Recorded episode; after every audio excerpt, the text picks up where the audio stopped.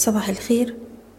الرؤية الفنية لشركة الأهلي فاروس لتداول الأوراق المالية 14 أكتوبر 2021 امبارح شفنا مؤشر EGX 30 بيواصل الارتفاع للجلسة السابعة على التوالي وصلنا لمستوى واحد وتمانين.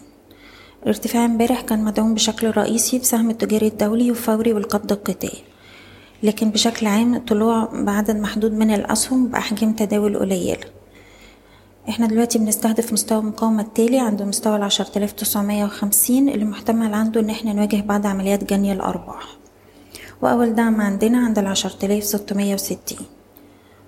دلوقتي ممكن نجني بعض الأرباح للأسهم اللي اتفتحت مؤخرا واللي عايز يحتفظ بيحط مستوى حماية الأرباح لأقرب دعم حسب كل سهم على حدة.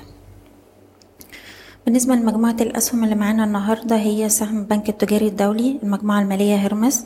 فوري حديد عز ودومتي نبدأ بسهم البنك التجاري الدولي هو طلع من مستوى الواحد وأربعين لحد مستوى الخمسة وأربعين تلاتين. خمسة وأربعين تلاتين ده بيمثل نسبة واحد وستين في المية من موجة الهبوط الأخيرة اللي كانت من سبعة وأربعين تمانين لحد الواحد وأربعين وبالتالي هي منطقة مقاومة مهمة جدا. وممكن نجني عندها بعض الأرباح واللي عايز يحتفظ بيحط ال protective stop بتاعه تحت low جلسة امبارح واختراق الخمسة وأربعين تلاتين لأعلى هيستهدف مستوى الستة وأربعين وربع. بالنسبة للمجموعة المالية هرمس شافت امبارح ارتداد بأحجام تداول مرتفعة نسبيا والسهم بيستهدف اتناشر أربعين تلاتاشر جنيه وأول دعم عندنا عند الاتناشر جنيه.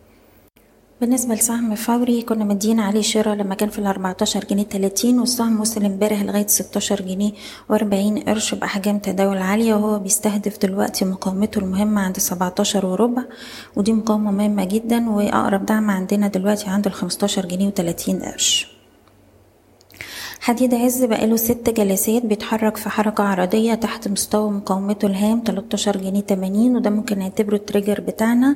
اختراقه بأحجام تداول عالية يفتح لنا الطريق لمستوى ال 15 جنيه وهنحط مستوى حماية الأرباح بتاعنا تحت مستوى ال 13 جنيه و40 قرش.